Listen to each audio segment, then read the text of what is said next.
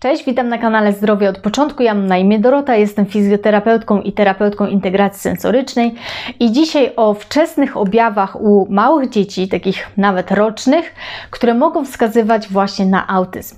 Ale pamiętaj, że jeśli Twoje dziecko wykazuje niektóre z tych objawów, nie oznacza od razu, że ma autyzm, ale na pewno warto skonsultować to z lekarzem, psychologiem czy neurologiem. Pierwszy objaw, o którym chciałabym powiedzieć, to wtedy, jest niepokojący, kiedy dziecko nie reaguje na gesty i ruchy rodzica lub innych osób.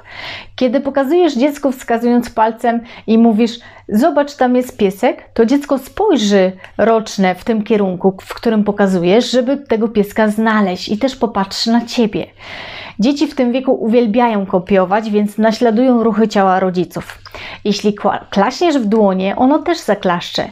Jeśli powiesz pomachaj na pożegnanie i sam to robisz, to dziecko też to zrobi. Tak samo z odwzajemnianiem uśmiechu. Dziecko po prostu naśladuje rodzica. Drugi objaw to słaba gestykulacja. Czyli dziecko, gdy ma rok, posługuje się wieloma gestami, żeby się komunikować z rodzicem.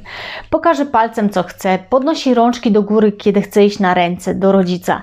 Może pokazać ci, co ma w dłoni, pomacha na pożegnanie, klaśnie w dłonie w zabawie, e, naśladuje ruchy ciała rodziców, kiwa głową na tak lub nie.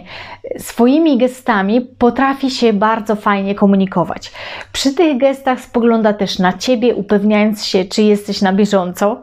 Kiedy dziecko ma z tym problem, to kiedy chce jakąś zabawkę, to nie wskaże jej palcem, tylko zazwyczaj bierze rękę rodzica i ciągnie rodzica w kierunku właśnie tej zabawki, którą chce, nie spoglądając nawet na rodzica. Trzeci objaw taki niepokojący to takie powtarzające się czynności i ruchy w zabawie lub właśnie ruchy dziecka. Dziecko ma specyficzne zainteresowania bądź fiksuje się na jakimś przedmiocie i w kółko może wykonywać daną czynność. Takim przykładem jest kiedy dziecko stale chce się bawić włącznikiem światła, czyli włącza, wyłącza i to takie naprawdę, jak chcecie, żeby przestało, to jest z tym problem. I w zasadzie w kółko mogłoby się w to bawić. No, to nie jest zabawa, ale właśnie włącz, wyłącz, włącz, wyłącz. Otwieranie, zamykanie szuflad, y, patrzenie w pralkę, jak, się, jak działa kręci sobie dziecko kółeczkiem e, od samochodu zamiast się nim bawić, czyli obserwuje jak się to kółko kręci, a nie wykorzystuje auta do zabawy. Może też wpatrywać się w światła, obserwować upadający przedmiot, czyli w kółko coś podnosi i rzuca. W kąpieli wlewanie wody do kubka i wylewanie w kółko. Co do ruchów ciała, to dziecko może bardzo często wykonywać określone ruchy rękami. Na przykład kręcenie dłońmi kółeczek. Może przykładać dłoń blisko twarzy, rozkładać palce i obserwować światło, które inaczej się wtedy rozchodzi. E, może trzepotać rękami, chodzić e, bardzo często na palcach. Chociaż też e, od, odsyłam Was do filmiku o chodzeniu na palcach, bo nie, w zasadzie to nie jest tak, że dziecko, które chodzi na palcach ma autyzm, ale to jest u dzieci autystycznych częste, że chodzą na palcach. Dzieci mogą również, y, kiedy jest właśnie taki objaw niepokojący, kręcić głową, y, tak potrząsać, czy biegać bardzo często w kółko. I pamiętaj, że chodzi o wykonywanie tych czynności bardzo często, bo jeśli robi to kilka dni, bo ma zajawkę jakąś nową na zabawę, no to to nie świadczy o autyzmie. Po prostu widzisz, że dziecko mogłoby robić tylko to i ta zabawa jest bardzo schematyczna, bardzo taka uboga, brakuje w tym takiego jakby scenariusza. Czwarty objaw to dziecko nie dzieli się swoimi zainteresowaniami czy radością. Dziecko roczne szuka z rodzicem kontaktu, uśmiechnie się przechodząc obok, przyniesie zabawkę, żeby pokazać, co znalazło fajnego, coś pokaże palcem, da do ręki, spojrzy na rodzica, czyli przyniesie ci dać do ręki i jeszcze spojrzy tobie w oczy, żeby zobaczyć Twoją reakcję na tą zabawkę. Inicjuje dziecko zabawę i właśnie kontakt. Kiedy się dzieci bawią, to często spoglądają, czy jesteś w pokoju. Kiedy dziecko ma z tym trudność, przyniesie zabawkę rodzicowi, ale na przykład wrzuci na nogi i nie spojrzy tobie w oczy. Coś pokaże ręką, ale nie spojrzy na rodzica, czy ten rodzic patrzy w tym kierunku. W zabawie nie szuka kontaktu z rodzicem, może często bawić się samo. I bywa, że właśnie ta zabawa jest taka schematyczna i taka, no widać, że jest to niepokojące. Piąty objaw to niekonsekwentne używanie kontaktu wzrokowego, żeby zwrócić na siebie uwagę. Czyli ten kontakt wzrokowy jest ograniczony i w zasadzie nie służy do komunikowania się. Małe dziecko używa, takie roczne dziecko na pewno używa kontaktu wzrokowego, żeby coś ci pokazać, nawiązać rozmowę, wyrazić swoje uczucia, czy o coś poprosić. Więc jeśli bawisz się z dzieckiem, na przykład, które właśnie ma rok, e, w turlanie piłki, to kiedy nie potoczysz piłki ponownie do dziecka, to dziecko da ci znać głosem, popatrzy na ciebie, popatrzy na piłkę, jakby chciało powiedzieć: Hej, turlaj tę piłkę do mnie, czemu stoisz i nic nie robisz? Natomiast dziecko z utrudnionym kontaktem wzrokowym tego nie zrobi.